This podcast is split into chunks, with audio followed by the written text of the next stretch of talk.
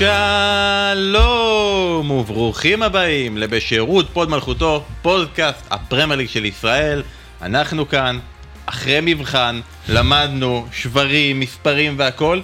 היה לי מבחן חשוב מאוד בלחשב נקודות מהספסל. כל הזמן היה לי קשה עם זה, היה לי קשה עם זה עקרונית לדעת נקודות מהספסל, מה יותר, מה פחות. עשיתי את המבחן, ולמזלי, אני לא יודע איך היה המבחן, היה גרוע. עוד אין אני לא יודע- תשובה, עוד לא אין, ציונים? תשובות, אני לא יודע, היה גרוע, אבל היה מחזור פנטזי שנורא הקל עליי. הלוואי שהיה מח- מחזור כזה כל פעם. אין נקודות מהספסל, אין לי שחקנים בספסל, אה. הכ- הכי נוח. אני אני בעד כאלה מחזורים כל פעם.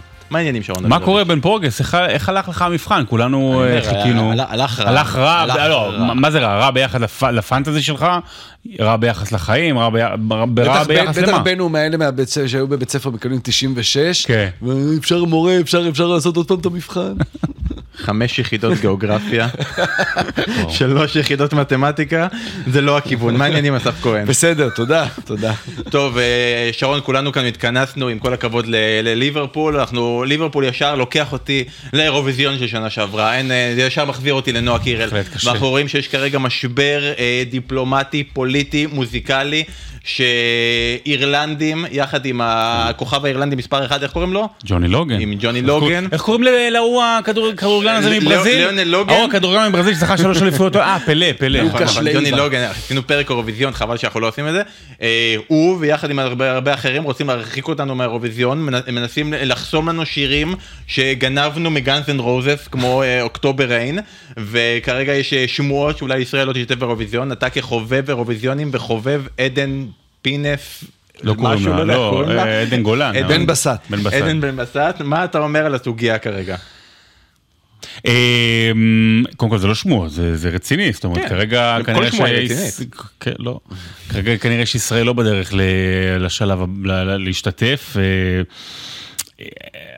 אה, קודם כל, המילים הם, הם לא קשות, הן עצובות, אני, אני מנסה לחפש האם יש שם באמת מסרים פוליטיים כאלה ואחרים, לא, זה באמת איזושהי השתתפות בצער ובכאב וברגש. יש פה תחושה שמחפשים אותנו. אבל כאילו, בוא, אנחנו כל שנה אומרים, אה, הם- בגלל שהם אנטישמים אז אנחנו מקבלים אה, ציון נמוך, אז כאילו, הנה, סוף סוף זה באמת אה, משלים את עצמו. אה, אבל צריך לעשות ניסיון כן ללכת, לא, כמעט לא משנה איך, חשוב שדגל ישראל יונף השנה. אה, בשוודיה. בשוודיה, ובמיוחד בשוודיה ובכל אירופה, ושיראו אותו השנה על אפם ועל חמתם, ושישלחו את משפחת לוזון לשיר. אני גם לא מצליח כל כך להבין, וואי, זה שיר טוב יכול להיות על אפם וחמתם, אתה יודע. כל ה... כאילו האלה של להקת חלב ודווקא. אלה של האירוויזיון באים מסתכלים על השורות וכזה לא הבנו באיזה שורה פה בדיוק יוצאים ארבעה רקדנים עם נוצות הם, אה, ומקרקרים. תהיה לבוש- תהיה לבושה אולי בצהוב, אתה יודע, זה כמו עופרה חזה בגרמניה ב-82. לא יודע, צריך חייבים אה, זה, אחרת גם, אתה יודע, זה מוריד לי איזה 100-200 לייקים לכל ציוץ בטוויטר. בערב האירוויזיון, זה בעיה. בלי בלי- בלי צפייה. של ישראלים. אבל אה, לסיכום תספיילר לנו את העתיד נהיה או לא נהיה. התאגיד אה, נורא נוקשים במובן הזה, אני מכבד את דווקא את הדעה שלהם. אם הייתי צריך להמר, הייתי אומר שלא, שלא שלא נהיה. נהיה. לא נהיה, אבל ביורו נהיה. אם זה או-או, אם זה או, ברור יורו, מה יש מה לך? זה, לייקים, לייקים בטוויטר, לא, בסדר.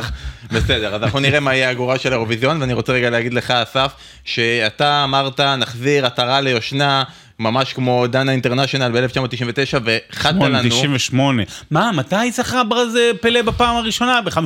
לא, מה אני- זה, מה זה היא גם הייתה האלה? ב-99, היא באה, הביאה איתי, הביאה על את האירוויזיון לישראל. פסטיבל הזמר, אתה יודע, תשל"ג, תשל"ד, תשל"ש. דבר איתי על, אה, כן, רבקה זוהר. גידי גוב תשליך, יעלה ויבוא. בתשליך. כן. הכנת לנו חידה, חידה טובה, כן. מעניינת, מרגשת, מבלבלת, חידה שוויקיפדיה לא ידעה לענות עליה, חידה שפנינו איתה ל-AI, והוא אמר לנו שמשתמש בסיסמה בבקשה, ואז ויתרנו, אה, ואנחנו רוצים להעביר אותה לקהל המאזינים והצופים, בוא תחוד לנו את החידה הזאת, ושרון כן. לא לענות, לא כן, לענות, זה כן, זה רק היו- למאזינים. בוא, פעם ראשונה אתם יודעים שאני גם, גם אם אני אענה, זה לא תהיה תשובה כן, זה- נכונה. זה לא- למשתתפים בפודקאסט אסור להשתתף בזה, זה עם פרסים. אה, אז. אה, לא מעט מהצופים, מהמאזינים שלנו, אמרו שמתגעגעים לחידות, כבר הרבה זמן לא היה, אז חברי הטוב יותם רייס סייע בהכנת החידה הזו, סייע, כשאני אומר סייע, אני אומר, חיבר? את החידה וגם אה, אה, הביא את כל התשובות. אז אה, בשמו של יותם חברי, החידה היא כזו, יש אה, שישה מאמנים, אנחנו מצאנו שישה, אולי תפתיעו אותנו אשר עוד בחייהם. בחייהם, אה, שאימנו גם בפרמייר ליג, ותזכרו מה אני אומר, פרמייר ליג, לא בליגה האנגלית, שאימנו בפרמייר ליג ובליגת העל שלנו. וכשאני אומר אימנו, זה אומר מאמנים ראשיים, לא עוזרי מאמן, לא עוזר מאמן פה, עוזר מאמן שם, אל תבואו לי עם אה, לואיס בואה מורטה, עם סטיב מקלרן, שישה מאמנים ראשיים. אחד אני יודע, כדי לעזור. יפה, שישה כאלה, שאימנו גם בליגת. העל וגם בפרמייר ליג. אז חברים, אנחנו רוצים רגע להגיד לכם, אם אתם מאזינים לנו עכשיו בפודקאסטים, אם אתם צופים לנו עכשיו בטלוויזיה, תפנו אלינו באינסטגרם, בפייסבוק, בטוויטר, תנו לנו את התשובה, לא אחד, לא שניים, לא שניים, אחד שרון, אבל, רק לא אחד, בשביל הקטע, הרי זה משהו שברור כולם יודעים. המחברת, איפה המחברת שהכלב אכל לך? לא קנית חדשה מאז? אה, אוקיי. לא יודע, מה, אחד בשביל איפה הטעימה. איפה המחברת עם כל הרישומים? המחברת ב- בזה, עברתי את אה, האמצע. שישה מאמנים שאימנו גם בליגת העל וגם בפרמייר ליג, תשלחו לנו בבקשה, אה, הראשון שיפתור יהיה הראשון שעונה, זה- וזה ככה זה עובד, אין פרסים, יש אבל את הערכה האינסופית של כבוד. ויקר. הפעם ספציפית הוא ביקש לא לשלוח לו למספר טלפון האישי שלו, הפעם לטוויטר, לאינסטגרם, לגמרי. לפייסבוק, ו... לטיקטוק של שרון. ואני מזכיר, זה לא רק למאזינים ששומעים אותנו, אלא גם למאזינים למי שלא שומעים אותנו. גם למאזינים שלא שומעים אותנו, ששומעים משמועות, יותם רייס סיפר להם שיש את החידה הזאת. אז אה, גם לצופים שרואים, יש מרוץ לפתרון של החידה של רייס? יש מרוץ, כן, אה, פקין אקספרס. ב- זה, זה, ה- זה המרוץ. שכרגע קורה. אה. אני מניח שזה מרוץ, לא יצא לי לראות, אבל אה, נתקדם הלאה. הוא, כן, הוא קרוב משפחה רחוק של אה, דקלן. של דקלן רייס? אוקיי, יפה מאוד, יפה מאוד. אה, חיבר יפה. בואו נתחיל את הפודקאסט הזה באמת עם אה, חוץ מחידות ואירוויזיון, בואו נתחיל גם עם קצת כדורגל, ובאמת מה שהיה לנו אתמול זה קצת כדורגל, אבל אה, הרבה דרמה ועניין ו- וצעירים. אה, אז גמר גביע הליגה. שליברפול מנצחת את צ'לסי 1-0 וזוכה בתואר הראשון בטור הפרידה של יורגן קלופ, שזכה גם להניף את התואר יחד עם וירג'יל ונדייק, במה שהוא מקווה שתהיה הופעה ראשונה מתוך שלוש באיצטדיון ומבלי העונה. והסיכומים זה הדבר הכי מעניין, וזה הדבר שנתמקד בו, וגם נדבר דרך אה, הסיכומים על המשחק. הכל בסדר, שרון, תהיה רגוע, זה יהיה בסדר. אבל בכל זאת, יש שני דברים שאני רוצה בוומבלי? להתייחס אליהם לפני אינדיבידואלית, לא הרכבים, אבל אז משם נמשיך, כי אני יודע שאנחנו לא נגיע לזה אחרי זה. אז בוא. נתחיל רגע עם הדבר הזה של אה, מצעד הפציעות של ליברפול, שהולך וגדל, ואנחנו רואים... בוא נעשה דירוג הפציעות הכי חמורות בליברפול. זה קשה, זה ממש קשה, זה דירוג ארוך, אני לא חושב שיש לנו זמן בפודקאסט לעשות כזה דבר. כל הבספקים שהיו, כולל סאלח וסובוסליי ונוניז, כולם לא היו בסגל. כולל נוניז עם הכתבה שעשינו, ממש לימדת את מור רכס, את כל רזי המקצוע, עשית לו פס, עובר לחלוטין, אפילו כתבות שאנחנו חושבים עליהם כבר שחקנים מבצעים, אוילנד וכו' וכו'. אה, ובדקה 25, במה שאסף, אתה טוען, ברמת אובייקטיביות כזו או אחרת, היה אמור להסתיים בעשרה שחקנים, גם חוונברג נפצע. נפצע, נפצע, כן, נפצע, מסכן, תוך. כדי עצמו. כן, ממש פגע עם השוק ברגל של אה, שמע, קייסדו. זה אה, כניסה עם הרגל קדימה, דריכה, נכון, לא גבוה. זה נהיה אבל זה פתאום... לא חוכמה שקייסדו לא עושה דברים גבוהים, לא, נהיה כזה מין. אה, כמו שאנחנו מכירים פה, את השטים, לא היה זדון. היה מיליון דברים אחרים, לא היה זדון. פה היה מיליון דברים, אבל זה לא היה גבוה. זה פאול של אדום. אני... אני... הוא לא שרק לפאול. לא, בוא, לא בוא, בוא, בוא. בוא, נגיע, בוא נגיע קודם לזה. השופט לא שרק לעבירה במהלך שבו אה, חרבנברג יצא על אלונקה. לא ראיתי עוד שפרסמו כמה זמן. אה, אה, לא יודעים, אבל אה, כן ראיתי אותו עם קביים בסוף, אבל זה- אבל כבר, אגב, אני רוצה רק להגיד משהו לגבי פציעות, וכל הצילומים שיוצאים, כנראה שזה עכשיו קטע חדש, שנה, שנתיים האחרונות, יש לכולם, כל מי שיש לו פגיעות כאלה בקרסוליים, לכולם יש קביים, יש, זה את נקרא סד אה, מונע כזה, שאתה אומרים, גם, גם אנדו היה בסוף עם, אה, עם, עם סד. יכול להיות שהוא לא ישחק, אבל נגיד סתם דוגמה, לפני כמה שבועות אנטוני גורדון צולם אחרי המשחק עם, עם קביים וסד, ושיחק אחרי זה, כאילו אולי רגיל. בסד הזה יש מים, ואז יש את הדגים הקטנים האלה שבאים של- ועושים שעושים. נעים באור, כן. נכון, זו המצאה טובה. זה גם אה, פעם או היו בצד כולם- השני. כולם היו עולים עם אה, אוזניות נכון לפני המשחק עושים את הסיבוב הזה אתה יודע מה זה נגיד אתמול היה אתה יודע כמה זמן זה היה לסיים את ההגעות של ליברפול כי כולם הגיעו כל אחד שם עם קביים יש שם כל כך הרבה אנשים זה לקח הרבה מאוד זמן אז ליברפול ואתה נוסע יודע מה זה אצל ליברפול בסגל שהגיע אתמול, אתה יודע מה הם שמעו באוזניות? כל מיני ברבא אבא וכאלה, כולם היו ילדים שם. לא, כן, לא, הם הם הסתכלו, צפו קרמל ו- בילדי כן. בית העץ. אז מ- מ- מצד הפציעות של ליברפול ממש ממשיך ואנחנו נראה מי מהם שורד עד לסאוטמפטון ביום רביעי בג- בגביע וכמובן הדבר הבא לפני שאנחנו מגיעים לרגע המכריע של המשחק זה השער הפסול של וירג'יל ונדייק, ולטובת כל מי שצופה בנו עכשיו, עוד רגע יראו את זה על המסך, את השער הפסול של ונדייק, מי שלא צופה, אה, הוא נעשה פה דמיון מודרך, ושרון גם יספר לנו בדיוק מה שקורה פה, אז אם אפשר לראות את השער הפסול של אז ונדייק. עכשיו יש הרמה, ונדייק נוגח וצ'ילבל שומר עליו, חוגג, נהדר וזה, והכל טוב. ואז אה, חגיגה שלמה ביציעים, ורואים בהילוך החוזר שום דבר, ובכל זאת פסלו את זה. כן. זה- לא, ואז עבר בודק, ו- ונראה שוונדייק תופס שם לא, בחולצה. אנדו, אנדו. לא, לא, מה שקורה בפועל, מה שקורה בפועל והסיבה שפסלו את השער הזה, זה שאנדו שעומד בעמדת נבדל, חוסם את קולוויל, והצוות אה. עבר.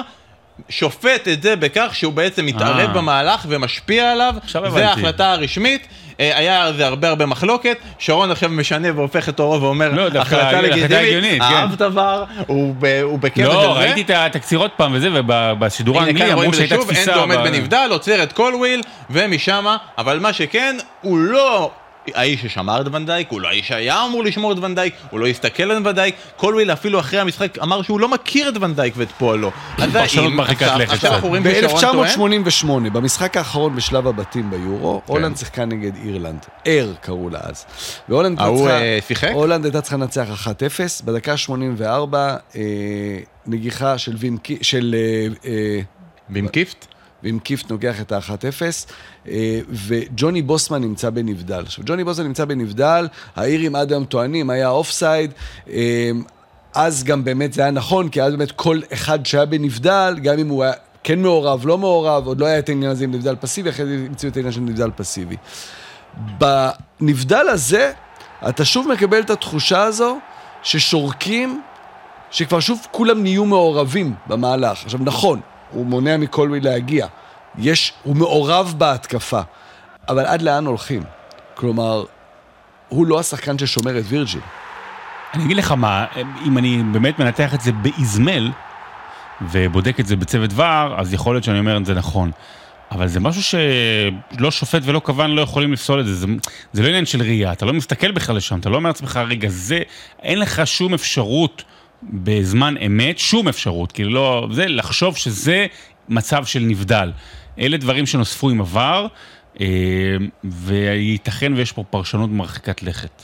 אני אומר, זה ברור שזה, הם לא, אנחנו לא מאשימים את צוות השיפוט, האם, האם צריך להאשים את צוות עבר, שמחליט שעכשיו כולם חשודים וכולם מעורבים, אבל צריך להגיד, ובכל רגע עבר- נתון, עבר כן קורא לשופט, כן יש פה את העניין של בעצמך. של השופט, צריך, אה, זה צריך, צריכה להיות החלטה של השופט, שאומר כן הוא חלק מהמהלך, כלומר עב- עבר אומר יש פה נבדל, אבל זה לא הנבדל הקלאסי שבו עבר אומר הוא עבר את הקו, אה, תפסול את השער. תבדוק האם, אה, הוא ופה מעורב כן ב- יש את העניין של ההחלטה, של איך שהשופט מנתח את המהלך הזה.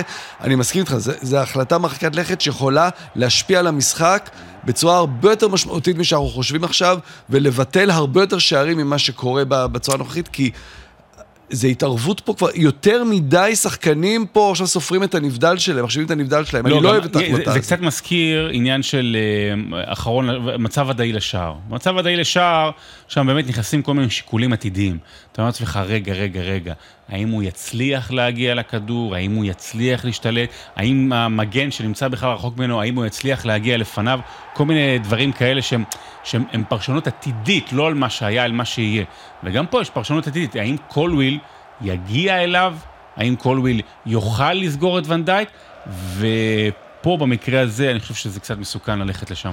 זאת אומרת, זה כבר הפך יותר מדי ל-what if, ולא אה, מה שקורה זה, בפועל. לה- להדגיש את זה, כלומר, אה, מה שהם אומרים פה זה שמי שהיה בלבד, אנדו, הוא חלק מהמהלך, אבל אתה בעצם מנתח את זה שקולוויל הוא חלק מהמהלך, שהוא בכלל שחקן ההגנה פה. אתה מנתח פה יותר מדי דברים, נותן לשופטים, בתוך כדי משחק, יותר מדי אה, את האפשרות לח- לחשוב מה הכוונה של כל אחד, גם- אתה לא רוצה ללכת. אני. חושב עבר אולי היה יכול לעשות, תסתכל על התמונה, להגיד אין דון דינו. יש לי אחד זה- יותר טוב, אני חושב שאתה תאהב, אני חושב שזה תאריך, אני חשבתי עליו ברגע זה, אני מאוד גאה בדבר הזה? אני חושב שמה שקרה פה הרגע, זה שאנחנו אה, עברנו מחוק האוף סייד לחוק האיף סייד. אוקיי? אנחנו, תחשוב על זה רגע. יפה, תחשוב על זה רגע. יפה. זה במיוחד אם זה מס- אם זה כזה נבדל מסריח. אתה... איף סייד. בוא נ- בוא נמשיך למה? הלאה. למה לקחת חבל, אנחנו את גם זה- בטלוויזיה למה לקחת משודרים את זה כבר. אה, זה היה- לקחתי את זה למקומות אחרים שהיו יותר טובים, אה, לא, בסדר. אוקיי, בסדר. אה, טוב, אז למזלנו, זה לא השער היחידי שווירג'יל ונדייק כבש במשחק הזה, כי כמובן אנחנו... עדיף גם, אתה יודע, גם עדיף שזה נפסל ואחר כך... כן, היה בכלל, סיפור, יותר גדול.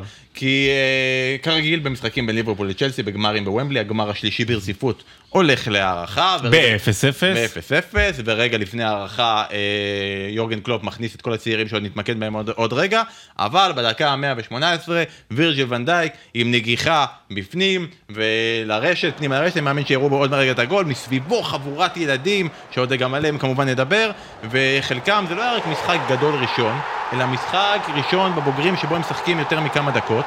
והוא נשאר איתם על המגרש וירג'יל ונדייק, ומוביל אותם לניצחון, לזכייה ולתצוגת דומיננטיות מול מעצמה לשעבר שהיא צ'לסי, עוד רגע נדבר על המעצמה לשעבר הזאתי, אבל בואו הרגע הזה, שרון, וירג'יל ונדייק, אין, אה, top חמש, לא? אחד הרגעים שלו בליברפול, אה, בהחלט, אתה יודע, מי שזוכר, המשחק הראשון של אה, ונדייק בליברפול היה מול אברטון, בדרבי, בגביע, והוא כבש גול, אגב, די דומה. אגב, גם זה וגם הנגיחה, זה נגיחות מדהימות, אפילו הנגיחה הראשונה עוד יותר, שנפסלה, באמת, חבל על הזמן. תראה, אה, אני מסתכל על, ה, על ההרכב, בסדר, אתה, אתה אמרת שתגיע לזה, אבל באמת, אני מסתכל על ההרכב, מי היו בליברפול אתמול בדקות המכריעות, בסדר? במשחק של, במשחק, מי, מי, מי היה על הדשא במשחק? אז היה קלר, שוער מחליף בשער.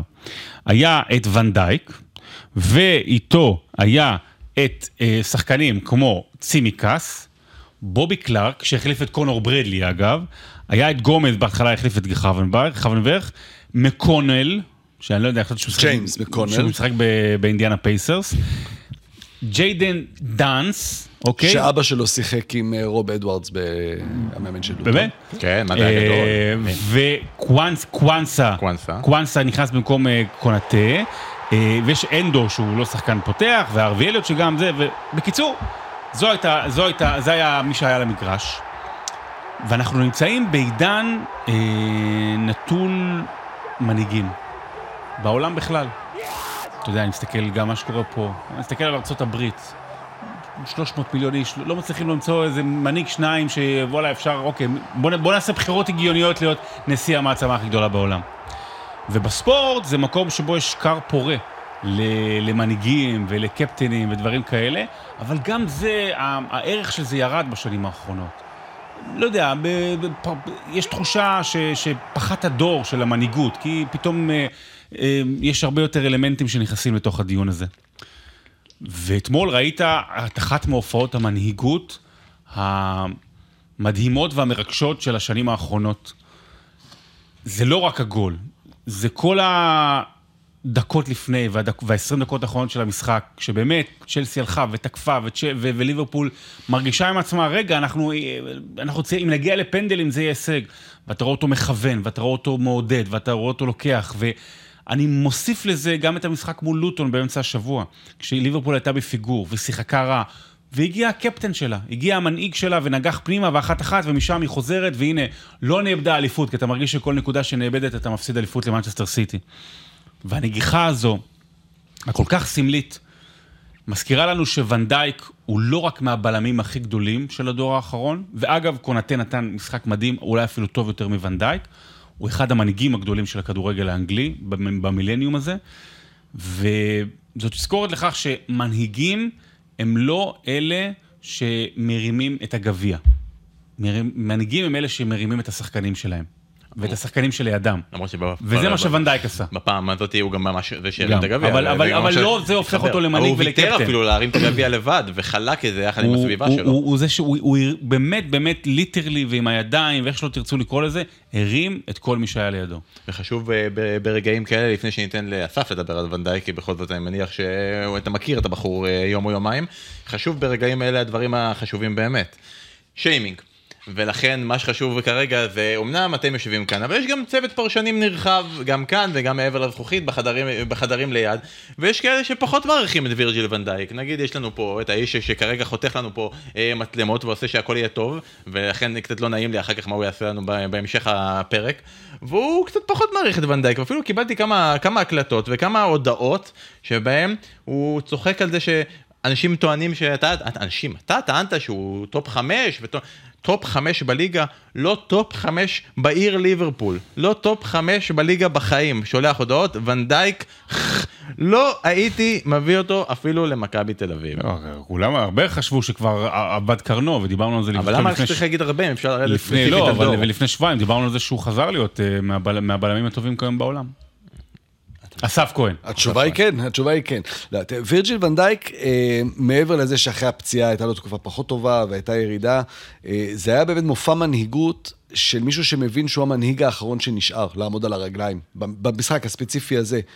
אה, רובם בכלל לא הגיעו למשחק בגלל פציעות, תוך כדי משחק היו את כל החילופים, ובאמת, עם חבורה של ילדים מסביבו, אני חושב שווירג'יל ונדייק, שהוא אולי.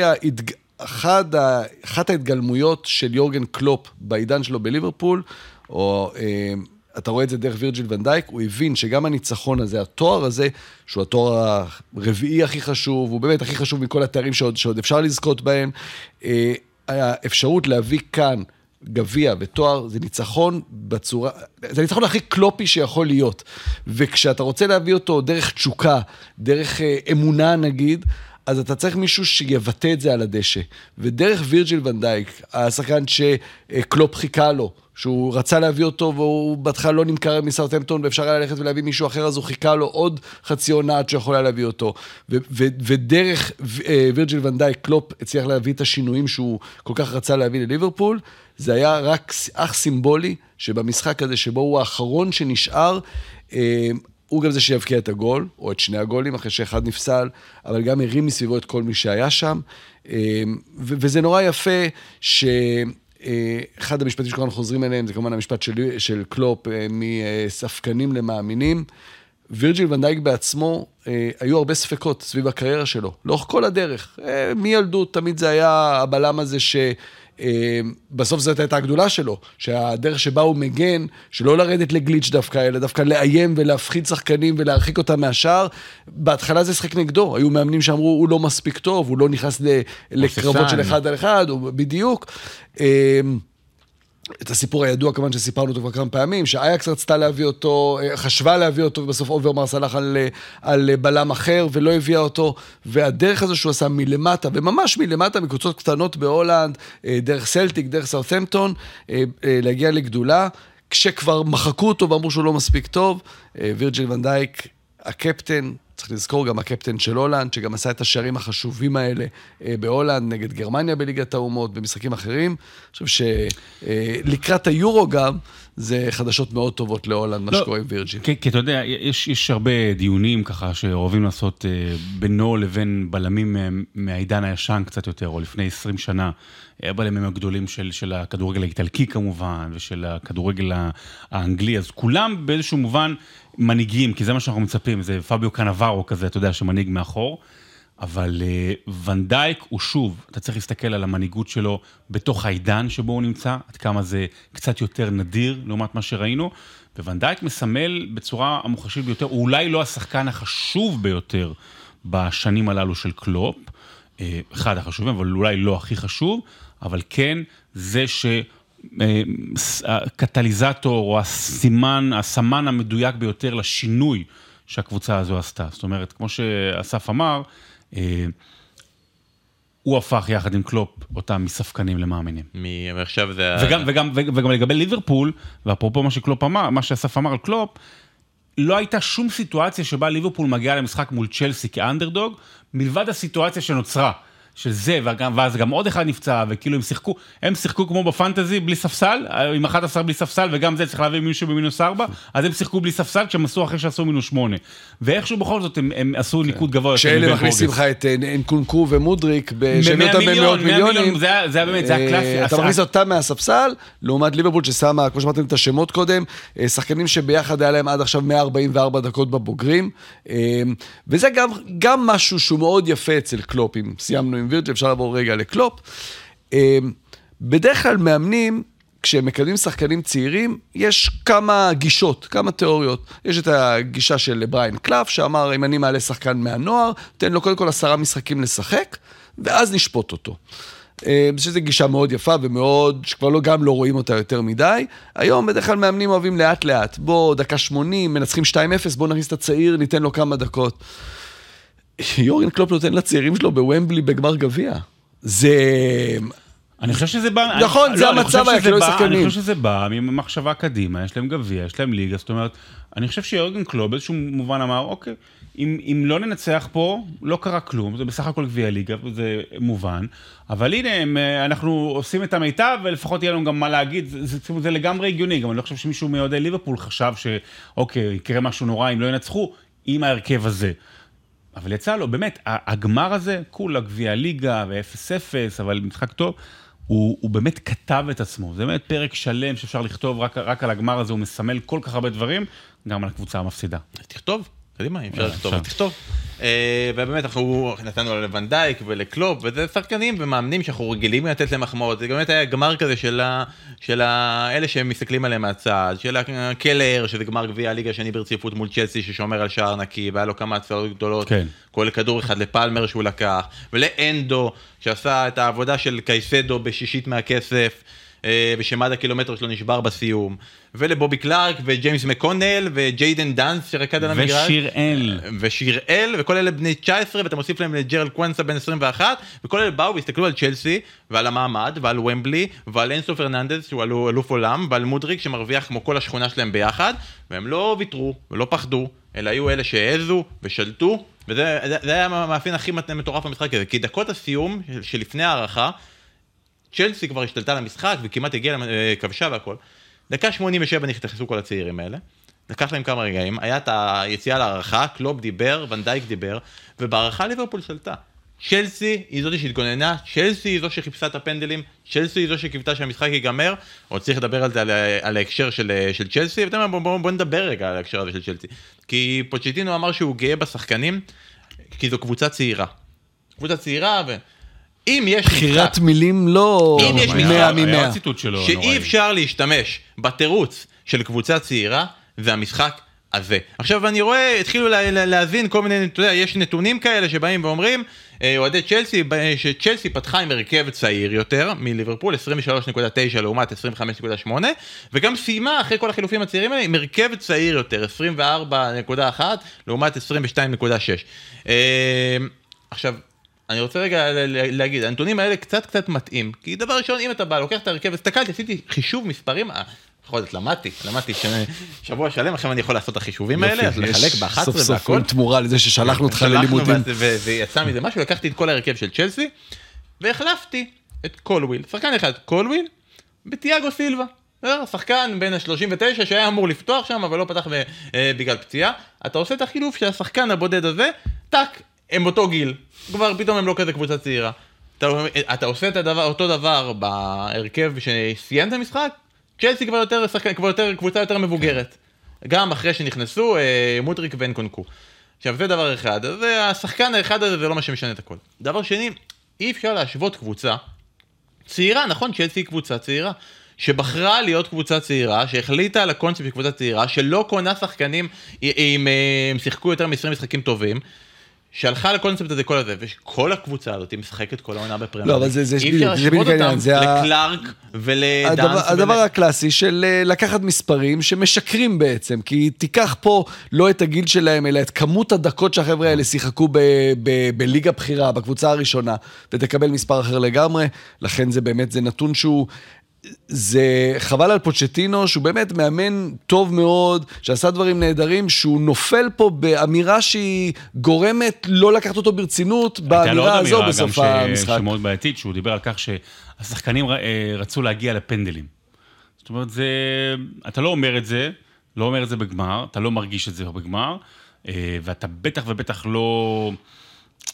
לא מכוון לשם, כשמולך כן, גם- קבוצה צעירה כמו ליברפול. ואם נכון, הוא השחקנים גם- הוא גם רצו- אמר לפני, הם מגיעים כאנדרדוג, עכשיו אני מסכים. תראה, אה, צ'לסי חזרה העונה 25, יותר מ-25 שנה אחורה. היא לא חזרה למה שהיה בתחילת אברמוביץ', היא חזרה עוד לפני זה. מי שזוכר, סוף שנות ה-90, צ'לסי פתאום מתחילה, קצת גביע, קצת זה, גביע מחזיקות, פתאום כן הרבה מאוד זרים, כאילו כן הופכת להיות קבוצה שמתחילה לנצח. צ'לסי חזרה אחורה למצב שבו לשום משחק היא לא מגיעה במחשבה או בידיעה שהיא הולכת לנצח אותו. שום משחק. לא אם זה לוטון טאון ולא אם זה ליברפול בהרכב חסר בגמר גביע ליגה, שום משחק.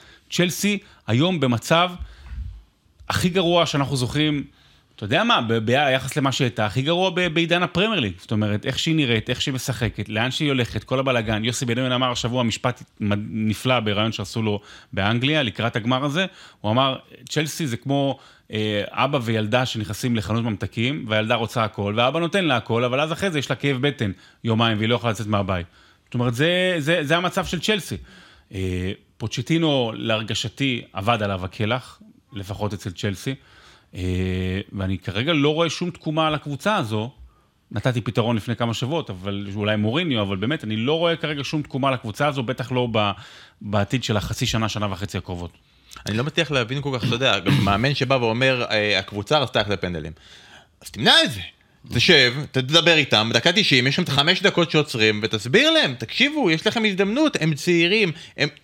תורידו להם את הרגליים, תפחידו אותם, כנסו איתם את טאקל, תפילו אותם ותגידו להם חבר'ה זה וומבלי ואנחנו השחקנים הוותיקים. ואל תרצו להגיע לפנדלים. המקום שבו הפסדתם לליברפול בגמר גביע הליגה, המקום שבו הפסדתם לליברפול בגמר גביע לפני שנתיים, המקום שבו הפסדתם בפנדלים למנצ'סטר סיטי בגביע הליגה ב-2019. אל תגיעו למצב שבו אתם יכולים להפסיד בוומבלי פעם שישית ברציפות שאתם מגיעים לגמר גביע. קחו את המשחק הזה ותנצחו, אבל במקום זה הוא מכניס את מודריק. בעיה. אה, הייתה לצ'לסי, צ'לסי באמת בבעיה, מבחינת איך אתה מסתכל קדימה. כי הייתה ל... אם צ'לסי הייתה מנצחת את המשחק, והיו לה את ההזדמנות לנצח את המשחק, אז אה, כנראה שהיינו באים ואומרים, אה, לקחו את המיליארד פאונד האלה ותרגמו אותם לגביע הליגה, שזה כמובן לא, לא מספק, אבל יש לך איזשהו uh, משהו לשים בארון התארים, ואתה אומר, אוקיי, הרווחתי משהו. זו הדרך של צ'לסי, כל שנה תואר. כן, ואז אתה אומר, אוקיי, יש לי איזשהו לתרגם במשהו ולבנות על הדבר הזה. Uh, ואז אולי היינו אומרים, אבל זה שקר, כי זה רק גביע הליגה וזה לא באמת. עכשיו אנחנו אומרים את אותו דבר, פשוט גם בלי התואר הזה. וזה מצב קשה מאוד, כי יש לה נכסים בקבוצה, יש שם שחקנים טובים ששווים כסף, פחות כנראה ממה ששילמו עליהם, כי שילמו עליהם הרבה יותר מדי מראש והם גם לא מצליחים. אז יש לך על מה לבנות פה, אבל זה סגל שהוא ארוך מדי, אה, עמוק מדי, אה, שגם לא נראה שיש בו באמת אה, היררכיה ברורה. אוקיי, ברור שמכולם, מכל השמות שהביאו, בסוף קונור גלגר וקול פלמר הם השחקנים הכי טובים. זה השניים הכי טובים שהם הצעירים, גם עליהם אתה יכול לבנות. מה אתה עושה עם כל ההמון המון שחקנים נוספים שיש שם? איך, עם חוזים ארוכי טווח? אתה באמת, השאלה היא לאן הקבוצה הזאת הולכת. באמת, באמת אין לי תשובה כרגע לזה. נראה לי שאחד הדברים שהכי מדגישים מכמה צ'לסי בבלאגן אטומי, זה שאנחנו לוקחים את גמר גביע הליגה ב-2022, לפני שנתיים. השחקן היחידי שעדיין משחק בצ'לסי מאותו גמר, בכל הקבוצה, מכל הסגל, טרוור צ'לובה. בסגל שהיה שם במשחק ההוא. טרוור צ'לובה הוא היחידי שהיה בסגל במשחק ההוא, הוא משחק עכשיו. זה היחידי, טרוור צ'לובה, כל השאר לא. וואו. זה מטורף. אה, בואו נסיים במשחק הזה, ליברפול מנצחת 1-0 את צ'לסי ומנצחת בגביע הליגה, ואחד האנשים המאושרים שהיו במשחק הזה, אה, וזכו לראות אותו, ואני רוצה לראות ולהשמיע קטע קצר, זה אוהד מונדר זכרי, אה, שזכה לראות את הקבוצה האהודה למשפחה ליברפול, בואו גם נבין למה הקבוצה הזו אהודה למשפחה. אתה חייב לספר לי פה, אתה עם אה, צעיף של ליברפול, עם חולצה של ליברפול, עם כובע מאוד מיוחד. בוא תספר לי למה התחלת לאהוד דווקא את מועדון הכדורגל של ליברפול. אה, בגלל דודוי. הוא התחיל לאהוד, הוא אוהד שרוף אפשר להגיד, וזה... הבית שלו נשרף בשביעי לאוקטובר והוא נרצח, והשרידים האחרונים שנשארו זה הצעיף שאני עכשיו איתו כאן, כן. והכובע. ומי השחקן האהוב עליך בליברפול?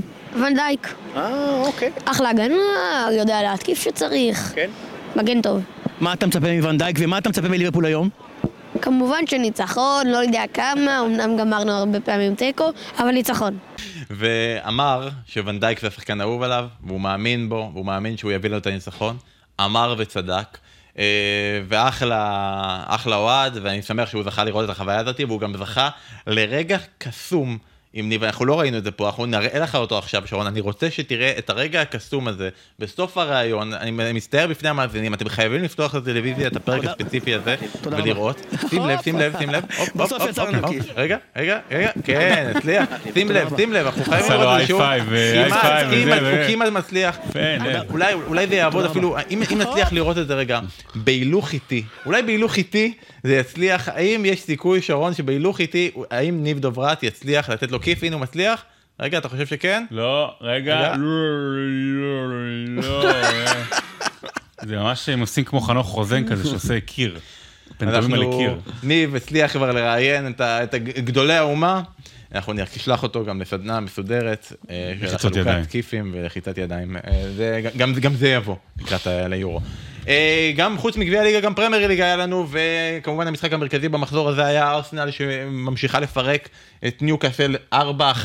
המצעד העשרוני ממשיך, ואחרי השישייה מול וסטהאם, החמישייה מול ברנלי, הרביעייה מול ניוקאסל, הולכות לבוא שלישייה מול שפלד יונייטד, צמד מול ברנטפורד, שער אחד מול צ'לסי, כבר לא נשמע כל כך הגיוני, אבל בסדר, שער אחד מול צ'לסי, ואז המצעד העשרוני צפוי להסתיים במשחק מול מנצ'סטר סיטי.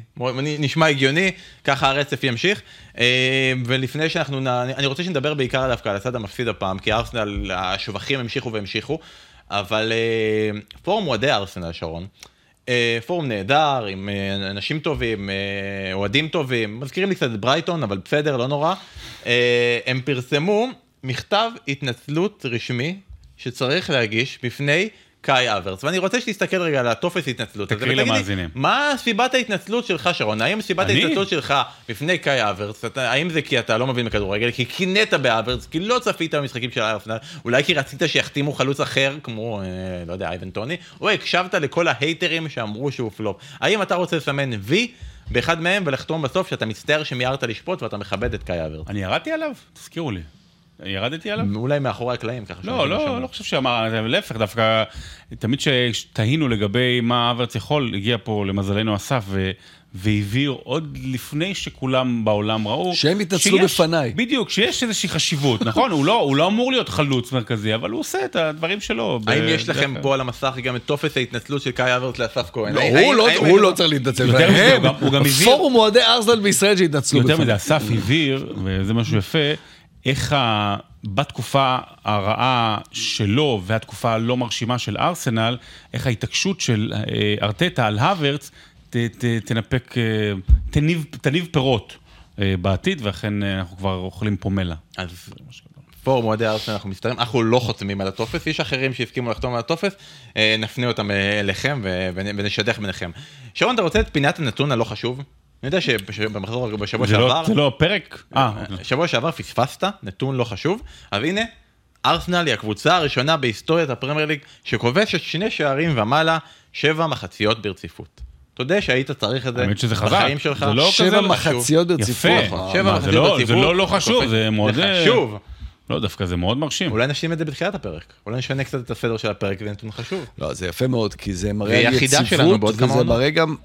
צריך לזכור שבשבע מחציות האלה הם גם שיחקו בהרכבים שונים, זה לא באותו הרכב שאתה אומר, אוקיי, עכשיו יש לי הרכב אחד שרץ, ואיתו אני עושה את זה, ואז אתה בפורמה טובה, ובאמת הכל הולך, אה, עם שינויים מאוד ברורים. אתה יודע, זה קצת הפתיע לפני המשחק, שהוא, אה, אה, ארטטה החליט לעלות עם אה, ז'ורג'יניו במקום טרוסר, על פניו היית אומר, רגע, מה, משהו קצת הגנתי? לא, הייתה שם מחשבה ברורה, להשתלט על האמצע, ז'ורג'יניו במשחק נהדר, בסך הכל פעם שישית העונה שהוא עלה בהרכב ב- בליגה. לתת פייט לברונו אה, גימרייש. ובדרך כלל אתה רואה את אה, ז'ורג'יניו, אתה חושב, אוי ואבוי, הוא יחמיץ פנדל, אה, אבל לא, זה היה באמת במשחק נהדר שלו, שבו ראינו את הניסיון שלו, את היכולות שלו באמצע, אה, ואז הוורץ כחלוץ, מרטינלי היה משמעותי, כלומר גם להחליט ללכת עם מרטינלי ולא עם טרוסר, זו גם החלטה מעניינת, שאולי לא כל מאמן היה לוקח בתקופה הזו, כש, כשטרוסר נמצא באמת בפורמה לא רעה. אה, אז כל ההחלטות האלה של ארטטה, הכל מתחבר כל כך יפה, ומוביל לתוצאות האלה, זה, זה נתון משמעותי מאוד. אז הנה, קחו עוד נתון, לא התלהבתם, אהבתם נתונים, אז קחו עוד נתון, שבוקאיו סאקה, דיברתם עליו אה, רבות בפרק הקודם, אז לא צריך להרחיב, רק נגיד שהוא השחקן האנגלי הראשון, שכובש חמישה משחקי ליגה ברציפות, מאז, איין רייט, ב-1994. האנגלי הראשון בארסנל. בארסנל כמובן. כמובן, בארסנל. כמובן, לא. הגזמת. יש לנו אתה אמרת, יש מה לנו- אתה רוצה? יש לנו את ג'יימי ורדי, שהוא אה, כבש חוץ מוולקוט לא. היו אנגלים בארסנל, אבל כן, בסדר, כן. זהו, מה. אוקסלי צ'מבר לא הצליח הוא- לעשות את זה. הוא לא לא. נגיד זה נתון. הוא לא השחקן הראשון מאז איאן רייט, הוא השחקן האנגלי הראשון מאז איאן רייט שקיבל חמישה שערים. בארסנל, בארסנל, אבל צריך להגיד, לא בארסנל, אמרת. ביום ראשון, כן. מה זה, זה קשה מאוד לעשות את זה. זה- אשלי קול לא הצליח לעשות את זה. צ'מברלין לא שחק חמישה משחקים רצוף. כן, זה או זה או טוני אדמס, כאלה, מה... אדי אנקטיה לא הצליח לעשות את זה. למרות שהוא... אה, זה או סאקה או איוובי. איוובי לא אנגלי. לא אנגלי? לא אה. לא, מייטלנד ניילס, טוב? מייטלנד ניילס לא הצליח לעשות את זה. אז אה, זה- אז- אז זה הנתון יופי. יופי של נתון לא חשוב. מעולה, הצלחנו, מעולה. עמדנו במשימה. אז רגע, בוא נעבור רגע, ארסנל, כל הכבוד להם, אנחנו נדבר עליהם רבות גם בשלוש ובשתיים ובאחד, עד שנגיע למנצ'סטר סיטי. אבל בוא נדבר רגע על- על ניוקאסל, כי דיברנו על ווסטהאם. ואמרנו שהיא כן נותנת עונה לא טובה, המקום מטעה, וניוקאסל אמנם מעל ווסטהאם בטבלה, עם הפרש שערים טוב בהרבה. אבל גם יותר הפסדים ממנה. 11 הפסדים ב-26 מחזורים, הקבוצה שהפסידה הכי הרבה פעמים בטופ 10, אפילו יותר מצ'לסי. עד המקום ה-17 יש שתי קבוצות שהן בורנמוף ונוטינגרם פורסט שספגו יותר ממנה. אתה מבין? יש לה 45 שערים שהיא ספגה עד עכשיו, זה משהו כמו, לדעתי אם אתה זוכר, 12 יותר מבכל העונה שעברה. הגנה מחוררת, לא מפסיקה להתפרק, גם במשחק הזה ראינו שאומנם חסר להם את השוער הראשון, הפעם היה חסר גם את השוער השני, אם יהיה לנו זמן נדבר על הקריוס שבחדר, אבל ההגנה של ניוקאסל ששיבחנו ודיברנו, ושר ובוטמן וטריפייר ו- וברן, והפעם ספציפית זה היה ליברמנטו, נופלת כמו מגדל קלפים. כן, וזה עניין ש... שחוזר כל הזמן, אתה יודע, זה באמת שחקנים ש... ההגנה נופלת כמו מגדל קלפים, אבל השחקנים נופלים מהרגליים. העומס הזה וסגנון המשחק, עם ספסל לא מספיק עמוק, אין, אין לניוקאסל ספסל מספיק עמוק, המחליפים הם לא באותה רמה, אה, מגיעים מולם להמון מצבים. אז זה שהם גם סופגים זה כי באמת ה... יש יותר אפשרויות לכבוש מולה. אה, יש גם משמעות לזה, לא שקריוס לא היה טוב, במשחקו הראשון בפרמייר ליג מזה שש שנים. לא שהוא לא היה טוב, אבל בכל כך הרבה הזדמנויות, עם הגנה שגם ככה לא מרגישה בטוחה לגמרי איתו כשהוא השוער השלישי, אה, עם טעויות ש- אישיות של שחקנים, זה גם משהו ש... יהיו להם עוד ניצחונות, יהיו משחקים שהם יהיו יותר טובים, אבל זה ממש לא מזכיר את ניוקאסל של תחילת העונה, בגלל העומס הזה והנ- וזה ששחקנים נופלים מהרגליים. אני זוכר מתי הפעם אחת שקריוס היה שוער, הוא היה שוער בגמר גביע ליגה שנה שעברה בניוקאסל יונייטד. כן, אבל בפרמייר ליג הוא לא עלה בהרכב של- לא, כי לא היה... אני חושב שיש המון פציעות לניוקאסל וזה מאוד בעייתי. אה, אני חושב שאדי האו, שאנחנו מאוד משבחים אותו, קצת אה, לוקח לו זמן להגיב. אני כבר לא מדבר על אה, מה קורה במשחק עצמו, שגם זה לפעמים, אלא באופן כללי. דן ברן, דן ברן, בחיי האלוהים, ארבעה משחקים ברציפות חוגגים עליו על האגף. אם זה אוגבנה ולא זוכר, אבל באמת כל משחק היה לפחות גול אחד עליו. אוקיי, החליף את ליברמנטו, אבל זה לוקח זמן. לקח לו זמן. על מירון, תחילת אבל איזה יופי, חגגו על ליברמנטו באותה צורה. לא, נכון, בסדר, אבל זה לוקח, בוא תן לבן אדם צ'אנס. אה, על מירון, פתח את העונה, לא, לא הזכיר את העונה שעברה, לוקח זמן כאילו להחליף. אה, גם הפציעות של ווילסון ועיסק והכל, ועכשיו גורדון אין לו ברירה לשים בחוד. מוזר שקבוצה עם מה שאמור להיות הרבה נכסים, כמו ניוקאסל, יש רק שני חלוצים, חו- שני שני חלוצי חוד שאפשר לשמש אותם כחלוצי חוד, גורדון הוא לא חלוץ חוד, ואז אתה מפספס אותו באגף. אה, עוד פעם, קצת, קצת מאחר ל, לזה, ל, ל, להגיב, אני מאוד מקווה עבורם שהם לא ייפטרו ממנו כרגע. אה, נראה שהסעודים לוקחים את זה מאוד מאוד ב- צריך בלאט. להגיד גם שיש שם, פחד אמיתי מהפייר פליי, מכל מה שקורה עם אברטון, עם סיטי. סיטי שעכשיו עדיין- רואה שהם בינואר הזה, כשהייתה ציפייה, וגם היה- הייתה הצדקה להביא שחקנים, כי הם באמת פצועים, ובאמת הם צריכים להביא שחקנים, הם נמנעו בכלל מהעברות, כי הם לא רוצים לסבול הם שם, לא כנראה נראה שיש לי שם... יעשו איזה נאמר כזה, פתאום יביאו בקיץ או דברים כאלה, הם לא, הם לא ישתגעו, או הם סתם, תראו איזה סכום מטורף הם בפה, הם לא- הם לא יעשו את זה. צריך להביא משהו. עזוב, אתה יביאו, הלכת ל- אה, לאמבפה. צריך להביא איזה 40 צרפתים לפני שצ'לסי ייקחו את כולם. אוסקר גלוך. אוסקר גלוך. וילה, לא? גם, גם וילה, ניוקאסל, לא משנה. בוא נעבור לווילה רגע. אוקיי. אתה יודע מה? בוא נעבור לווילה שמנצחת 4-2 את אה, נוטינגהאם פורסט והצמד של ביילי וווטקינס ממשיך לספק סחורה, אחלה. אה, אסף, אני רוצה לשאול אותך, אנחנו דיברנו על אה, ניוקאסל ועל... אה, אוקיי, היא הגיעה לטופ 4, היא הגיעה לרגע הזה, והעונה, היא משלמת עליו מחיר. מה אסטון וילה, שאומנם מחזיקה, גם, העונה היא גם באירופה, ועוד רגע נדבר על האירופה שלה, והיא כן צריכה להתמודד עם כמה מסגרות, מה אסטון וילה יכולה או צריכה לעשות כרגע עם הסגל הקיים שלה? בהנחה והיא כן תגיע ותצליח לסיים בטופ 4 ותצליח להיות בליגת אלופות העונה הבאה, כדי לא להתפרק כמו ניוקאסל. אה, דווקא אצל, אצל ניוקאסל אתה רואה בנייה יותר, אה, יותר הגיונית, אני חושב. זה ניוקאסל או אצל וילה? אצל, אה, אצל וילה, אתה רואה בנייה יותר הגיונית, אה, עם הרבה שחקנים ש, אה, שמחליפים ביניהם ואין ירידה מאוד גדולה ברמה. כלומר, אם זה ביילי, למשל, ש- עם דיאבי, שחקנים מאוד דומים, האמת היא שגם מכירים אחד את השני כי שיחקו ביחד, אבל שהרמה לא נפגעת. בכל קבוצה תמיד יש את השחקן שאי אפשר גם להחליף אותו. בהגנה זה ככה הרבה אה, חילופים, אולי ווטקינס. אתה לא יכול להחליף אותו, אתה, לא, אתה לא מביא סתם שחקן של, של 20 שערים בעונה ו- ושם אותו על הספסל, אה, אבל, אבל כן היכולת הזאת להביא כמה שחקנים טובים מאוד, אבל שמתואמים מספיק, אתה יודע, וגם יש פה את העניין של מאמן יותר מנוסה, שיודע ל- ל- כנראה לחלק את הכוחות, אתה יודע, מאמן שההצלחות שלו באירופה אה, בדרך כלל קדמו להצלחות שלו ב- בליגה. במקומות שבהם הוא היה, וכן יודע לעשות את האיזון הזה בין, אה, בין ליגה זה לאירופה. שהמטרה העיקרית לעונה הבאה תהיה איך אסטון וילה מצליחה, האם בכלל להשאיר את דאגלס לואיז. נותן כזה עונת... אה, ג'יני ויינלדום של 2024. דווקא אני הלכתי על יאיה תורש, אה, יאיה תורש כזה. או-אה, אתה זה כבר אה, קצת גבוה. כן, אבל לא, למה אני אומר לא- ג'יני ויינלדום? דגלס לואיז, תשעה שערים העונה, כולם בבית. אה. כל השערים בבית, וגם ויינלדום היה לו את התקופה בניוקאסל, שהוא הבקיע, לדעתי גם עבר את העשרה שערים בעונה, וכולם היו, אה, כולם היו בבית. נכון. אבל גם מזכירים אחד את השני במשחק שלהם. יאיה טורר, אני חושב שזה אולי לא, קצת... לא, קצת לא העליתי גבוה מדי, אמרתי, כן. זה עונת אה, ברוח, אה, טוב, כמובן שהוא לא בר- ברמה, אבל דאגלס לואיז נהדר. וכמובן אסטון וילה מוגרלת, כנראה המשחק הכי מעניין באירופה, כולל ליגת האלופות בשמינית הגמר, מוגרלת מול אייקס. הגרלה הכי נוחה שאפשר. למי מהם? לווילה. נוסיף רק לזה שהמאזן של אייקס נגד אנגליות בשש המפגשים האחרונים זה שישה הפסדים, שער אחד, 11 ספיגות, וזה לא כולל עדיין, זה כבר לא כולל את המפגש הקצר. בקושי עברה מול לוקאס דייגים. מורה. אייקס גנבה. בקושי עברה. יש, אה, השבוע היה אה, התוכנית, אתם מכירים בשידור חוקר, אתם זוכרים את זה? שידור חוקר בהולנד. אוקיי. התוכנית הייתה איך אייקס גנבה את הניצחון נגד בודה גלימט. סלמונלה.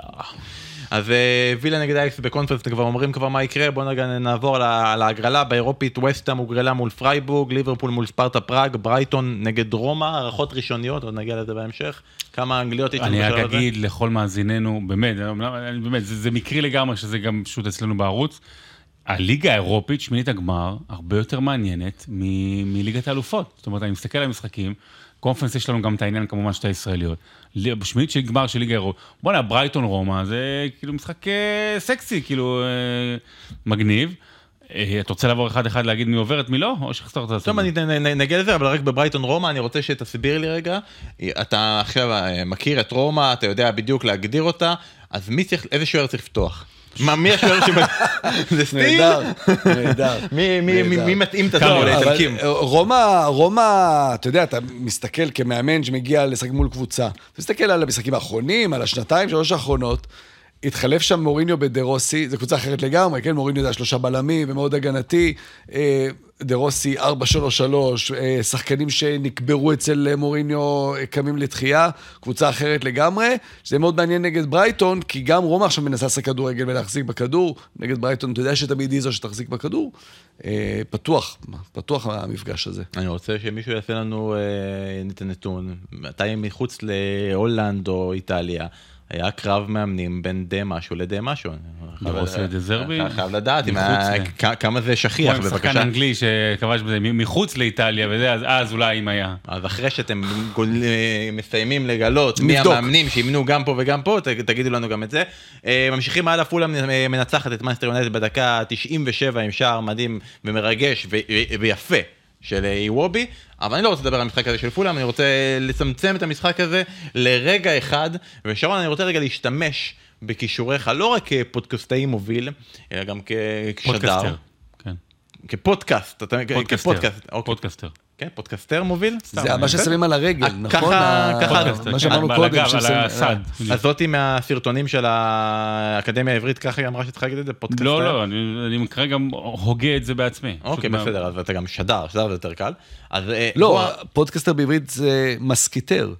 מסקטיונר. או, מסק- מסקיטר. מסקיטיונר. מס- ואנחנו. שלושת המסקיטרים. בדיוק, איפה דרטניאן? שלושת מסקיטר. המסקיטרים. דורטניאן, כי זה דור הופמן מחליף, אפשר להמשיך את זה עוד הרבה. אולי במקום זה, בוא אני רוצה שתראה את הרגע מה עם הזה החשמל במשחק של יונייטד. שליה? אבל אני רוצה שברגע שאנחנו נראה את הרגע הזה של ברונו פרננדס, אני רוצה שתשדר לי אותו, אני רוצה שכשדר תגיד לי מה אנחנו רואים בו, מה אנחנו רואים ברגע של ברונו פרננדס. מה קורה עכשיו? המסירה הזו של אה, ברונו פרננדס, מקבל את הכדור, בועט, ויש שם פגיעה, נראה שפגיעה רצינית, ממש סובל שם ברונו פרננדס, ההתקפה נמשכת, בלעדיו. יונייטד אה, מנסה להמשיך את ההתקפה, לא מסתכלת אחורה, פרננדס עדיין שרוע על הדשא, אבל ההתקפה ככה לאט לאט מגיעה לסיומה, ופפה, ברונו על הרגליים, מה זה? לא ראינו- alive, he's alive, פרנקנשטיין. לא ראינו דבר כזה מאז אה, נבחרת איטליה ביורו, מי זה היה שם? וואי, אה, עם מובילה. עם מובילה, הרגע הגדול, חוגג בזה. זה זה קפטן? מה זה הדבר הזה? לא, זה שטויות, הוא לא עושה. את זה הרבה, יש לו משהו קצת רחו- רחובותי, לא מבחינת העיר רחובות, אלא מבחינת הדברים שלו. ברונו פרננדס זה אחת מירידות הערך הגדולות של השנתיים האחרונות בכדורגל העולמי. עד לפני שנתיים, שנתיים וחצי באמת הוא היה טופ 10, כאילו לתחושתי טופ 10 עולמי. ואז אה, אתה יודע, גם מבחינת היכולת שלו, גם מבחינת היכולת של יונייטד, וגם הריבים, עם רונלדו, מה שאומרים אולי בתוך יונייטד, בתוך יונייטד, עם רונלדו אולי בתוך פורטוגל, כבר התחיל לקבל גם המון אש מאוהדי רונלדו. אה, לא יודע, בוא נגיד, הנפילה הזאת נראית כאילו זה כמו כל העונה שלו. אתה גם מסכים שזה שטויות? אה, מה מה. רוצה לעשות מזה? מה, מה, בסדר, בסדר. אני חושב שזה מגעיל, וזה רמאות? ואני לא אוהב את זה. לא אוהב את זה. לא אוהב את זה, ואני מתלבט מי עושה את זה יותר גרוע, הפורטוגלים או הדרום אמריקאים. נורא. אבל במשחק הזה אני כן רוצה רגע להתייחס למשהו אחד. אה, בגול של, אה, בגול האחרון של אה, רובי, זה מתחיל מפריצה של אדמת טראורי עם הכדור, בשני בישולים שלו בעונה, אז הנה אחד. והוא רץ עם הכדור, עכשיו יש שם קטע של לינדלוף לא נמצא בעמדה, ומגווייר יכול לעשות פאול. ויש איזה חוכמת רחוב בסיסית, פאול טוב מה נקרא, שאתה עוצר את המתפרץ, אתה עוצר אותו מלרוץ קדימה. ושאלו את מגווייר אחרי זה, על זה, והוא אמר, "אה, ידעתי שאם אני מקבל צהוב, אז אני מושעה מהמשחק הבא, ולא רציתי לקבל. פה צהוב. כן. אז הוא קיבל גול והפסיד את המשחק. אה, זה, זה, אה, באמת? זה, זה ש- כל כך דברים בסיסיים. זה כל כך מנצ'סטר יונייטד של היום. של כאילו, אתה, זה באמת הדברים הבסיסיים שאתה אפילו לא לומד אותם בכדורגל ילדים, אתה לומד אותם מלראות כדורגל. יש, לראות, לראות ספורט, היה בכדורסל זה גם, יש את הפאול טוב, אתה לעצור את המתפרצת, בטח במצב כזה, בטח שזה השחקן, אדם טראורה, הוא ירוץ עם הכדור, הוא ירוץ כמה שתיתן לו. וכשאתה לא עושה את הפאול הזה, זה לא עניין של אימון, אתה יודע, זה לא ש... אה, אני לא בא להגן פה על תנח, כי זה לא עניין של אימון לא טוב, אבל זה כן משהו שמשקף מצב של קבוצה. חוסר הקרבה. שזה משהו שכן אפשר להסתכל על המאמן ולהגיד, מה קורה פה שהשחקנים שלך לא מבינים ברגעים כאלה לעשות את הדברים הבסיסיים שכדורגלן אמור לעשות. אה, פספוס גדול מאוד, אתה יודע, דווקא בתקופה טובה של יונייטד, נכון, אוילונד פצוע ופתאום הוא חסר מקדימה, אה, להפסיד לפולאם בבית, זה, זה פוגע בסיכויים שלו להמשיך בעונה הבאה. קשה. אה, קריסטל פלאס, שרון ואסף, מנצח- מנצחת את ברנלי, ואני רוצה, אסף, שתספר לנו קצת על, אה, מאז הפרק הקודם, יש מנג'ר חדש לקריסטל פלאס, רוי הודסון, שאמרנו שהוא כבר יכול, אה, יכול להיות שהוא יעזוב. ביחד, בשילוב עם סיבות רפואיות, הוא החליט לסיים את תפקידו, ומונה לו אה, מחליף, אוליבר גלסנר, נכון? שאימן את וולסבורג ופרנקפורט, וזכה איתה גם בליגה האירופית, ומשהו שאנחנו צריכים לדעת על גלסנר? קודם כל, המאמן האוסטרי השני בהיסטוריה של הפרמייר ליג. רלף רנגניק? אה, לא. לא. אה, הוא- אה, זה של סאות'י, האזנהוטל, זה אוסטרי. רנגניק גרמני, רנגניק לא אה, אוסטרי. כן? לא אוסטרי? אה, הוא מאמן, הוא נבחרת אוסטריה, כן, אוקיי, בסדר. האזנהוטל. אה, גלסנר, בוא נסתכל רגע על פאלאס, זה מבחינת מדיניות של מועדון, שזה מועדון שכבר תקע יתד בליגה, עם קהל אדיר, אבל תסתכלו על איך לפעמים אתה מנסה להבין איך הנהלה, איך בעלים חושב, ואתה לא רואה קו ישיר. בוא נסתכל על המאמנים האחרונים בפאלאס. סם אלרדייס, אוקיי? אנגלי מהדור ההוא. פרנק דה בור. רוי הודסון, פטריק ויארה. רוי הודסון, אוליבר גלסנר. גלסנר. מה אתם רוצים? מה אתם רוצים? איזה כדורגל אתם רוצים? אני- מה אתם רוצים מהקבוצה שלכם? מה אתם רוצים? איך אתם רוצים שהמועדון לא, הם- ישחק? הם רוצים. כל פעם את ההפך לא, מהקודם. זה נשמע, לא, אבל זה נשמע ונראה, אם אני רק מסתכל על זה שהם רוצים, כן, כדורגל התקפי, כן, לנסות להיות אה, ברייטון, כן, לנסות להיות כאילו דברים כאלה, וזה לא עובד, ואז צריך שמישהו יבוא ויציל אותם מירידה. מי יבוא ויציל מירידה? ה- האנגלי של פעם, אלר דייס או פעמיים רוי אולסון. כן. זה, זה ככה אני, ככה אני, כן, ככה זה, אני זה זוכר ההסבר, ורואה זה ההסבר, אבל אתה אומר, אתה לא, זו לא מדיניות לטווח ארוך. כלומר, אם אתה רוצה משהו אחר, אז מביאים פה את גלסנר, שהוא לחלוטין אה, אה, יציר רדבול, כלומר, חלק מכל העניין של רדבול, הוא היה עוזר אישי של רנגניק בתחילת דרכו, ממש עוזר אישי, ואז הוא היה עוזר מאמן של אה, רוג'ר שמיט, כשהוא היה ברדבול, שזלדבורג שיחקה אז כדורגל מדהים, זה היה, באמת היו הראשונים שהביאו את ה gegenpressing הזה לעולם, זה היה מדהים לראות את זה. אה, ואז כשרוג'ר שמיט, סליחה, עבר ללברקוזן, אה, הוא החליט לא לעבור איתו, אלא לקח את ריד, התחיל בליגה האוסטרית, אה, מריד הוא עבר ללאסק לינץ בליגה השנייה, לקח אותה לליגה הראשונה, לקח אותה לאירופה, הפך אותה לקבוצה גדולה, ואז כמו שאמרת, וולפסבורג. הוביל אותה לאירופה, בפרנקפורט לקח ליגה, את, ה, את הליגה האירופית. כלומר, כן מגיע פה מאמן מה, בוא נגיד, דרג שני, אבל כן מישהו שאמור להביא כדורגל קצת אחר, קצת חדש לפאלאס, של הלחץ הגבוה, של כדורגל יותר מהיר. התחיל נהדר עם ה-3-0, כמובן שעוד לא ראית את הכדורגל הזה, כן ראית את ההרכב, את השיטה שבה הם שיחקו, 3-4-2-1, שלושה בלמים פתאום, דברים שפחות היו אצל לוטסון. אני מניח שאנחנו נראה פה סגנון אחר, שהשנה זה רק בשביל להישאר בליגה. בוא נראה איך הוא יבנה את הקבוצה בקיץ, אבל uh, יש, פה, יש פה מחשבה אחרת של, uh, של פאלאס ביחס לשנים קודמות. אז אני רוצה דווקא לקבוצה השנייה אם יש מחשבה אחרת, כי דיברנו עכשיו על מדיניות טווח ארוך ומחשבה קדימה הנה, זה- אז בוא נדבר רגע על, על הצד השני, על, על ברנלי. אוקיי, שהיא גם, אנחנו במטוטלת הזאת, היא הביאה מאמן שמשחקת כדורגל סוחף והכל, העלתה אותה, העלה אותה ליגה לפרמייר ליג, המשיך עם הכדורגל סוחף ומצניח אותה חזרה כנראה בצ'מפיונשיפ, למרות שאי אפשר לדעת, התחתית פתוחה מאי פעם. אפשר לדעת. אמ, ברנלי עם 2, 2 נקודות מ-24, סופגת 16 שערים בחמישה המשחקים האחרונים. אפשר לתת נסיבות מקלות שהפעם הם שיחקו עם עשרה שחקנים אחרי ההרחקה המוצדקת של בראוני לדקה 35, אבל אין נסיבות מקלות למה שקורה כרגע בברנלי ולסגנון הזה. כרגע הוא עלה לראש טבלת אה, המועמדים לפיטורים, וינסנט קופני, אז אני שואל אותך שרון, האם בתוך המדיניות טווח ארוך והמחשבה והידיעה גם שהם הולכים לרדת ליגה, והוא יודע להעלות אותם חזרה, מה... והקבוצה הזאתי, שהיא כרגע בסגנון כזה או אחר, שיחקה פירקה את הצ'מפיונשיפ אה, בעונה שעברה, האם צריך או לא צריך לפטר את אה, וינסנט קומפני? לפני עשור, שון דייט שהעלה את ברנלי ליגה, הוא היה איתם עונה, ובמקום להשקיע כספים אה, בקבוצה וברכש טוב, אז הם השקיעו דווקא בתשתיות ונוער ודברים כאלה, ירדו ליגה, נשארו עם שון דייטש, הוא העלה אותם, ואז הם חזרו לעונות הכי טובות שלהם ב-40-50 שנה, משהו כזה, זאת אומרת, ב- בליגה. אה, לא ידוע לי שהתחלפה הנהלה, אולי אני לא, לא, לא עוקב, אבל יכול כן, להיות... יש שם משקיעים זרים של האמריקאים. אז, אבל, אבל יכול להיות שזה איזשהו רעיון שאומר אומר בברנלי, בוא ננסה. זאת אומרת, אה, מעניין לבדוק אם, האם הם עלו ליגה בידיעה שהם יורדים ליגה, ובואו ננסה להישאר, כי אנחנו בונים פה משהו ההפך מקריסטל פלס לכמה שנים. ככה זה נראה, זה נראה כרגע מאוד מוזר שהוא לא פוטר עד עכשיו. ברנלי כבר ירדה ליגה, סליחה על הזה, זאת אומרת, באמת, אתה מסתכל על הנתונים והמצב וכמה היא סופגת והכל הכל, היא כבר, היא, היא, היא באמת, היא, היא בקרשים. אה, יש לי כעס באיזשהו מובן על קומפני שלא מסתגל, ואני חושב שאם אם הוא באמת ירד ויחזור שוב, אז הוא יצטרך להבין מה קורה, אבל אם הם עושים את זה כך, והניחוש שלי הוא נכון, אז אני מאוד מכבד אותם. ואם לא, אז שילכו קיבינימט. בעיקר אה, סף שבירה נמוך, הקבוצה הזאת סופגת גול, היא מתפרקת לחלוטין, אה, אבל אה, אני גם חושב שאם יש פה באמת איזושהי חשיבה לטווח ארוך ואמירה, אוקיי, זו הדרך שלנו, כי בניגוד לירידה ההיא, השנה כן השקיעו כסף וכן הביאו שחקנים, אבל אני חושב שבמחשבה שהם ילכו איתם לצ'מפיונשיפ והם יעלו איתם בחזרה וכן בונים פה משהו קדימה. מה אתה לכן חושב? גם אין מה, אין מה... אתה יודע, כשאתה מפטר מאמן, אתה תמיד צריך לחשוב מה, מה האופציה שבמקום, מה החלופה. ו...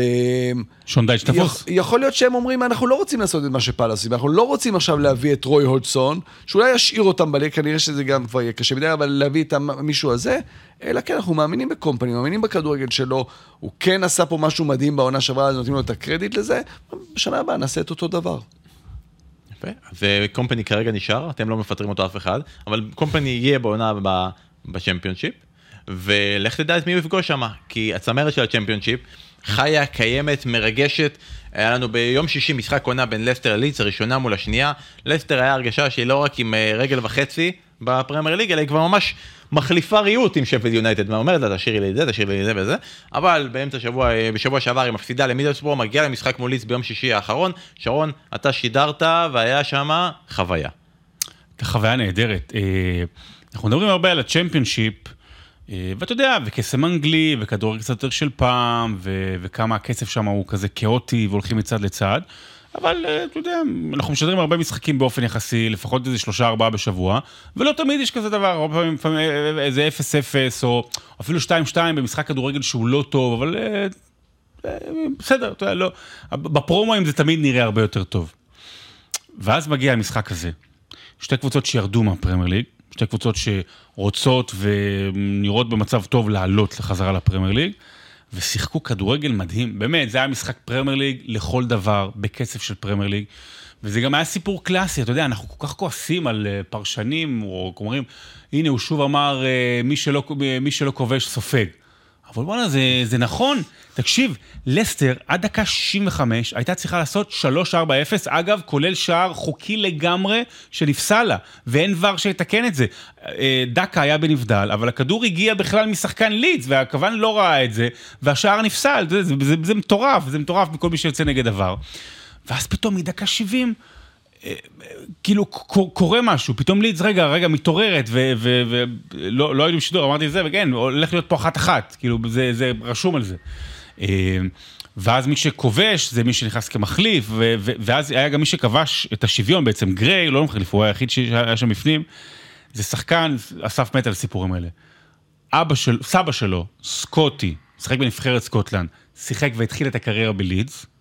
אבא שלו, ג'יימס ריד, שיחק גם קצת בנבחרת סקוטלנד, שיחק בלידס, והוא גם מתחיל את הקריירה בלידס. זאת אומרת, של, שלושה דורות של לידס, וכנראה, וזאביק סיפר את זה נהדר בשידור, שיש מצב שהסבא והאבא נמצאים, זה היה באלנדרון, הסבא והאבא נמצאים שם איפשהו ורואים את הנכד והבן ברגע באמת גדול, ואז גם הופכים את התוצאה, ועד דניאל ג'יימס עם שלוש אחת, והייתה אווירה, וואו. אתה לא, אתה, לא, אתה, לא, אתה לא רואה כזה בפרמייר ליג, באמת שאתה לא רואה כזה, אתה יודע, זה, אתה, אתה אומר לעצמך, אה, זה העניין של הקצת פחות כסף עולה הכרטיסים, ופחות תיירים מגיעים, ויותר מקומיים, ואלן רוד. גם, מספרים לנו הרבה על מה זה לידס, ועל מה זה אלן רוד, ולא ראינו את זה. לא ראינו את זה יותר מדי ב-20 שנה האחרונות. 17 שנה הם היו בצ'מפיונשיפ, ואז כשהם עלו, אתם זוכרים מתי הם עלו? כשהייתה קורונה. קורונה כן. וגם בעונה הראשונה שלהם הייתה קורונה. ואז זה היה עוד בעונה הראשונה שהיה ביאלסה והיה כיף, היה קורונה, ולא היה, לא היה קהל, או לא היה כמעט בכלל קהל בכלל. ואז אחרי זה, כבר לידס לא טובה. ואני אומר לכם, באמת, וגם הערב שישי הזה היה, לדעתי, הרגע הכי גדול באלן רוד, באולי 20 שנה האחרונות. הם, הם רקדו שם, והם שרו, והורידו חולצות בחמש מעלות, והיה שם אה, אה, אה, קשישים, והיה ילדים, והיה נשים, והיה גברים, וכולם ביחד רצים וקופצים, ומשתוללים, באמת, מהשוויון, משתוללים וקופצים, אין פה, לא שרים שירים, ולא מוחאים כפיים, ולא... סתם מוטרפים, כמו שמרגילים אותנו באנגליה, ו... וזה התאים לי את כל הסיפורים על לידס ועל צ'מפיונשיפ, זאת אומרת, זה, הנה זה הפך למציאות, זאת אומרת, יש לנו מספיק חומרים עכשיו לפרומו לעונה הבאה. אבל יש שם גם אה, סרטונים מדהימים שהם שרים, אה, אני חושב שזה היה במחצית, את הקייזר אה, צ'יפס, זה, זה להקה מלידס. כן. קייזר צ'יפס, והם אה, שמים ברמקולים את השירים שלהם, וכל הקהל שר, והשר עם ה... אין את העניין של איזה ציניות, זה מה שהם שרים. קייזר צ'יפס זה להקה מלידס. שאתם מכירים את הסיפור למה, מה השם שלהם? לא. בשנות ה-90 היה ללידס, היה בלם מדרום אפריקה, אה. לוקאס רדבה. זוכרים אותו ממשחקי המנג'ר. לוקאס רדבה הגיע ללידס, הוא גדל בקבוצה בדרום אפריקה שקוראים לה קייזר צ'יפס. Mm-hmm. על שם הקבוצה המקורית של לוקאס רדבה, הלהקה הזו קראה לה, לעצמה קייזר צ'יפס, הפכה ללהקה כבר מאוד מפורסמת, ובאלנד רואד שרים את השירים שלהם. מדהים, מדהים. אז גם שרים וגם קופצים לכל מקום, וגם המאבק עלייה חי וקיים, לסטר עם 78, לידס ואיפסוויץ' עם 72, איפסוויץ' ראינו אותם. היינו בטוחים כבר מתפרקים אחרי מיידסטון חוזרת עם ארבעה ניצחונים רצופות, ארבעה ניצחונות רצופים, אה, והליגה כולה כמרקחה. אגב, מיידסטון, אם אתם צופים בנו עכשיו בטלוויזיה, זה מאוחר מדי, כבר המשחק היה. אבל אם אתם מאזינים לנו, ו... אתם אלה שמיהרו להאזין, איך יהיה לנו את הפרק הזה? אז היום 9:40, אה, מייסטון נגד קובנטרי, שמינית גמר גביע האנגלי, האם הסיפור סינדרלה המשיך? אם אה, אתם כבר איחרתם, כנסו לוואלה ותראו עם כמה נגמר. אה, כן, נראה לי שאתה יכול לספיינר לנו כמה נגמר? קבלו 4-0 איזה בראש. באסה, איזה חבל. טוב, רגע, אני רוצה, יש לנו פינת ליגת נמוכות משודרגת ומלאה ברגעים, כי יש רגע אחד שאי אפשר לוותר עליו, למרות שהזמן דוחק, אי אפשר לוותר עליו, שזה הסיפור של סנדרלנד. אה, סנדרלנד בעונה שהיא לא לכאן ולא לפה, מה שלא מונע ממנה לפטר כבר שני מאמנים העונה, והאחרון שבהם אסף הוא מייקל ביל, שהחזיק מאמצע דצמבר עד אמצע פברואר. ביל לא ממש סיפק את הסחורה, לא היה אהוב בקרב הקהל, לא גם ממש אהוב בקרב השחקנים, פוטר אחרי הפסד היו מכנים אותו לברמינגהם. The Bill. דביל, הם אמרו לו שהוא דביל, אה, והוא בסדר, הוא פוטר אחרי הפסד לברמינגהם. בסדר, עד כה בסדר, עוד מאמן יגיע. סרט אבל כזה, שם, אה, פוסטר קיל ביל. The Bill. לא נעים, לא נעים, לא לא הולכים על זה שם. אבל הסיפור קצת מסתבך, כי בעולם של רשתות חברתיות, מסתבר שגם מנג'רים מסתובבים שם, אסף, מה קרה שם למייקל ביל? כן, אה, נתחיל בזה שראינו את הסיפור הזה, כבר קורה בכמה מועדונים בצ'מפיונשיפ, פיטורים של הנהלה, של מאמן שאהוב אצל הקהל, ומרגיש בלי צורך, ופיטרו את טוני מובריי, שלקח אותם בעונה שעברה לפלייאוף, וגם העונה היה שם באזורים האלה, קידם המון שחקנים, פיטרו אותו, והקהל לא אהב את זה. הביאו את מייקל ביל, מייקל ביל שהיה עוזר של ג'רארד בריינג'רס, אימן גם אה, בעצמו. אה, ולא היה אהוב מההתחלה, כמו שאמרת, לא על השחקנים, ובמשחק האחרון שלו גם רואים את אה, אה, אחד השחקנים יורד, ג'ק קלארק, אולי הכוכב של סנדרלנד. חביבה? אה, הוא כן, שיחק דולב חביבה? בא ללחוץ לו את היד אחרי החילוף, והמאמן מתעלם ממנו, שפה עשו מזה צחוקים, שמרקו בלבול לא שם לב ולא ראה, פה ממש הוא מתעלם ממנו, פוטר יום אחרי. מסתבר שלאותו מאמן מייקל ביל, יש לו כל מיני חשבונות פייק ברשתות החברתיות, והוא עושה ריטוויטים לציוצים. שהם נגד ההנהלה, ונגד שחקנים, ונגד האוהדים. כמובן לא בשמו, אלא בשם של הפייק הזה. אבל יש פה הרבה חבר'ה צעירים שיודעים לגלות ולקשר ולחבר, וגילו שהחשבונות האלה הן של מייקל ביל בעצמו, והוא עושה, אה, מצייץ מחדש, ציוצים שיורדים על האוהדים שלא קיבלו אותו, ועל ההנהלה שמפרקת את המועדון. שיהיה לו בהצלחה למצוא עצוב, עבודה עצוב, עכשיו, אה, מייקל אין. מה לעשות. עכשיו היופי פה, כשאתה בא ואומר, אנחנו חושבים על מישהו מתוחכם עם חשבונות פייק, הבעיה היא שזה עדיין דור קצת יותר מדי מבוגר לחשבונות פייק חכמים, והחשבון פייק של מייקל ביל היה פשוט, היה לו פעם חברה, חברה שהוא ניסה לעשות איזה שהם אימונים, אה, אימונים פרטיים, שקראו לחברה הזאת אה, Player ID, והחברה נסגרה כי הייתה כישלון. והחשבון של החברה נשאר, נשאר. וזה החשבון פייק. בחברה שמקו- של מייקל ה- ביל. שחברה, של החברה של מייקל ביל שבה הוא עשה את זה, וגם חזרתי אחורה, לאוקטובר 2023, חוד, חודשיים לפני המינוי הזה. כן. אה, ביל דה בוטשר, ידוע בטוויטר בשם, בשם שט התיידפתי, אוקיי, בסדר? והוא מישהו שהוא מצייץ כמה הערות כנגד ריינג'רס על התקופה הנוכחית, ומחמיא למנג'ר העבר של הקבוצה, מייקל ביל. אוקיי? לביל דה בוטשר אין הרבה עוקבים, יש לו 373 עוקבים היום, הציוץ לא צובר תאוצה. מקבל רק חמישה לייקים. אחד מהם מחשבון הטוויטר הפרטי של מייקל וואו. ביל, ש- שמתלהב מככה שאנשים מחמיאים לו, ואנחנו יודעים כולנו שאף אחד מאיתנו לעולם לא חיפש את השם שלו בטוויטר, זה דבר שלא עושים, לא בודקים, אני לא יודע מה אנחנו כותבים עלינו בטוויטר, אני מניח שרק דברים טובים. מייקל ביל, שיהיה לו בהצלחה. בוא, שיהיה בהצלחה לאסף כהן לחפש את השם שלו. כמה. ורגע לפני סיום, אני ביקשתי מכם, ולא עשיתם את זה בפרק הקודם, אנחנו שיתפנו ואמרנו, אנחנו משיקים משחק חדש. משחק חדש שבתקווה ילווה אותנו עד סוף העונה, וקוראים למשחק הזה הכי טוב שיש, אוקיי? אין מה לעשות, זה הכי טוב שיש, זה המשחק על שם שלנו. ג'ק ניקולסון? על שם אה, ג'ק ניקולסון, הכי טוב שיש, שבו אנחנו משתפים אתכם, המאזינים, הצופים, האנשים שעוקבים אחרינו בכל הרשתות, אנחנו רוצים שתשחקו איתנו ותתרמו לנו, וכל פעם, לנו? תגידו לנו, תתרמו לנו. יש לתרום לנו? מבקשים לתרום לנו כספים. על מה? למה? ואנשים, מצב קשה? יש אולפן, הגביעים לא ישלמו את אוקיי. עצמם, אוקיי? אה, סיגריצקי. ותגידו לנו, אה, כל פעם, מי ההרכב הכי טוב שיש, של כל מיני סוגיות מעניינות. אז הסוגיה הפעם שבחרנו, אה, זה סוגיה של מי ההרכב הכי טוב שאייל ברקוביץ' שיחק איתו בקריירה. מי השחקנים הכי טובים שאייל זאת ברקוביץ' אומרת, שיחק איתם ליצור בקריירה? הרכב. Hmm? ליצור הרכב ליצור משחקנים ש... הרכב מהשחקנים הכי טובים שאייל ברקוביץ'. שיחק איתם, זה יכול להיות בכל קבוצה שאייל ברקוביץ' שיחק. אז רגע, חכה, לפני שאתה נותן את ההרכב שלך, הפעם היו לנו שני. שחקנים, שני שחקנים ששיחקו במשחק ונתנו לנו את ההרכבים שלהם, הלכו על קונספטים אה, שונים? זה כבר היה, אתה פספסת, לא שמת לב. אה, זה קרה מאחורי הקלעים. אה, ושני שחקנים משחקים הפעם, אני רוצה רגע של... להגיד לכם רגע את ההרכבים של השחקנים האלה, וגם אתם, וגם הקהל בבית, ישפוט, יחליט מי עולה לשלב הבא, מי יתקדם איתנו במשחק הכי טוב שיש, ויגיע עד לגמר הגדול בחוף ניצנים, בחודש. חוף בחוף ניצנים, אם יהיה אפשר לדעת לעשות בחוף ניצנים. אה, אז הראשון שמשתתף במשחק אה, זה רועי זגה. אוקיי, תרשמו, יש לכם עכשיו את זה, אני... רועי זגה, אחר כך זה יופיע- גם על המסך, אבל תרשום רגע אם המחברת קיימת עדיין. רועי זגה בוחר, אוקיי, ההרכב הכי טוב, הנה אתם יכולים לראות אותו גם כאן על המסך. פיטר שמייקל בשער, שיחק איתו בסיטי, הנינג ברג, מגן ימני בבלקברן, ריו פרדיננד מווסטהאם, סטיוארט פירס, שיחק איתו בסיטי, סילבן דיסטן ממנצ'סטר סיטי, אלכסיי סמרטין מפורטסמוט, ולפניו למפארד בווסטהאם, מתיו לטיסיה בסאוטהמפטון, טרבור סינקלר, ששיחק איתו גם בווסטהאם וגם בסיטי, ניקולה אנלקה מסיטי, ובחוד רובי פאולר, ששיחק. איתו בסיטי. זה הקבוצה של רועי זגה, לפני שאנחנו עוברים לקבוצה השנייה, מה אתם אומרים על הקבוצה הזאת? האם הם מעריכים, זה אוהבים? הרכב טוב? אבל ברקוביץ' לא משחק בה. לא, אין ברקוביץ', אתה אה, משחק את בהרכב ה-11 איתו. ששיחקו עם אה, ברקוביץ'. כשהוא יושב ביציע בספסל והוא לא מתעצבן שהוא לא בהרכב, אז איך כמה הוא נהנה. אה, לא, אה, קודם כל התקפה... הוא נגדם, יכול להיות שאם הוא לא משחק אה, בהרכב אז הוא נגד הקבוצה, זה פורטסמוט, איך קוראים לו?